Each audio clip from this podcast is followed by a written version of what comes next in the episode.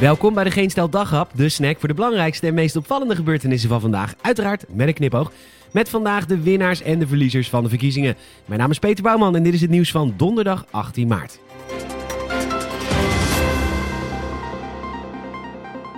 Nou, de verkiezingen zijn voorbij en het volk heeft gesproken. VVD de grootste, D66 de tweede partij en wint fors. Forum voor Democratie ook en is zelfs de hardste stijger met zes zetels. GroenLinks in het rood, SP nog roder, PvdA net zo rood.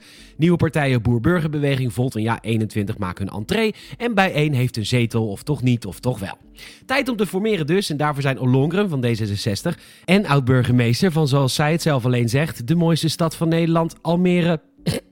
Annemarie Jorritsma aangesteld. De informateurs zijn aan zet en Baudet vindt dat hij het initiatief moet krijgen om een regering te vormen. We zijn de grootste winnaar. Volgens mij mogen de grootste winnaars altijd initiatief nemen in de formatie. Het wordt nog spannend. Nou, nee en nee.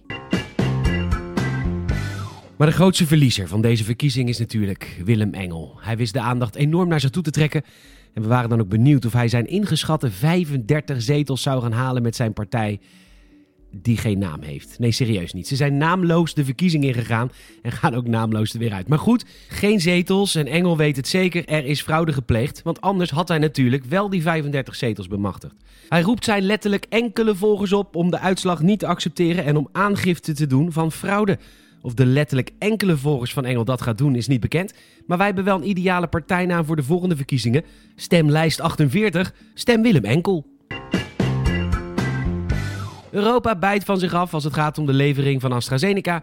Ze leveren niet wat ze hebben beloofd en dus heeft Ursula von der Leyen gedreigd leveringen naar Engeland te blokkeren. Nu bijten de Britten terug bij monden van de Britse staatssecretaris van Volksgezondheid Matt Hancock. Hij verwacht dat alle leveringen doorkomen, anders zijn er heftige consequenties te verwachten op basis van contractwetten, dat meldt RT. Eerder verwezen we de Australische premier al door naar het Amerikaanse kantoor van AstraZeneca, maar hun hoofdkantoor zit gewoon in Groot-Brittannië. Het is hun fout, dus bel ze rust via 020 3749 5000.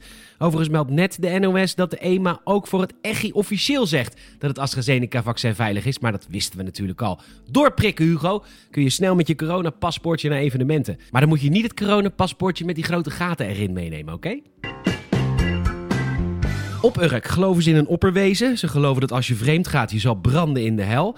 En ze geloven dat Jezus over water kon lopen. Ze geloven niet in corona. Is schiepje, bestaat niet. En dus zijn ze koploper als het gaat om het aantal coronaboetes per 100.000 inwoners. Dat blijkt uit onderzoek van één Vandaag. Daar hebben de avondklokrellen natuurlijk mee te maken. Het in de fik steken van de GGD-testra trouwens niet, want daar krijg je geen boete voor.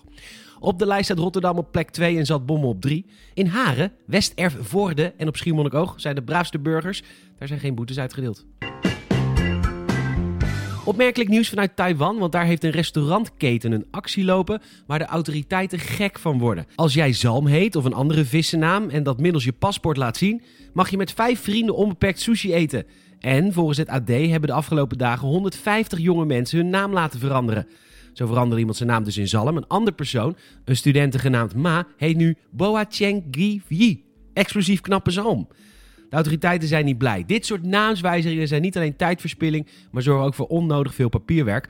Aldus Chen Sun-yen, onderminister van Binnenlandse Zaken. Mensen doen de raarste dingen natuurlijk, maar heel eerlijk, als er echt een goede actie komt, dan ga ik met liefde door het leven als Kippie 6 zoetzuur bouwman. Bedankt voor het luisteren. We zouden het enorm waarderen als je een vriend of vriendin vertelt over deze podcast. En ook met een Apple Podcast review zou je ons echt heel erg blij maken. Nogmaals bedankt voor het luisteren. Tot morgen.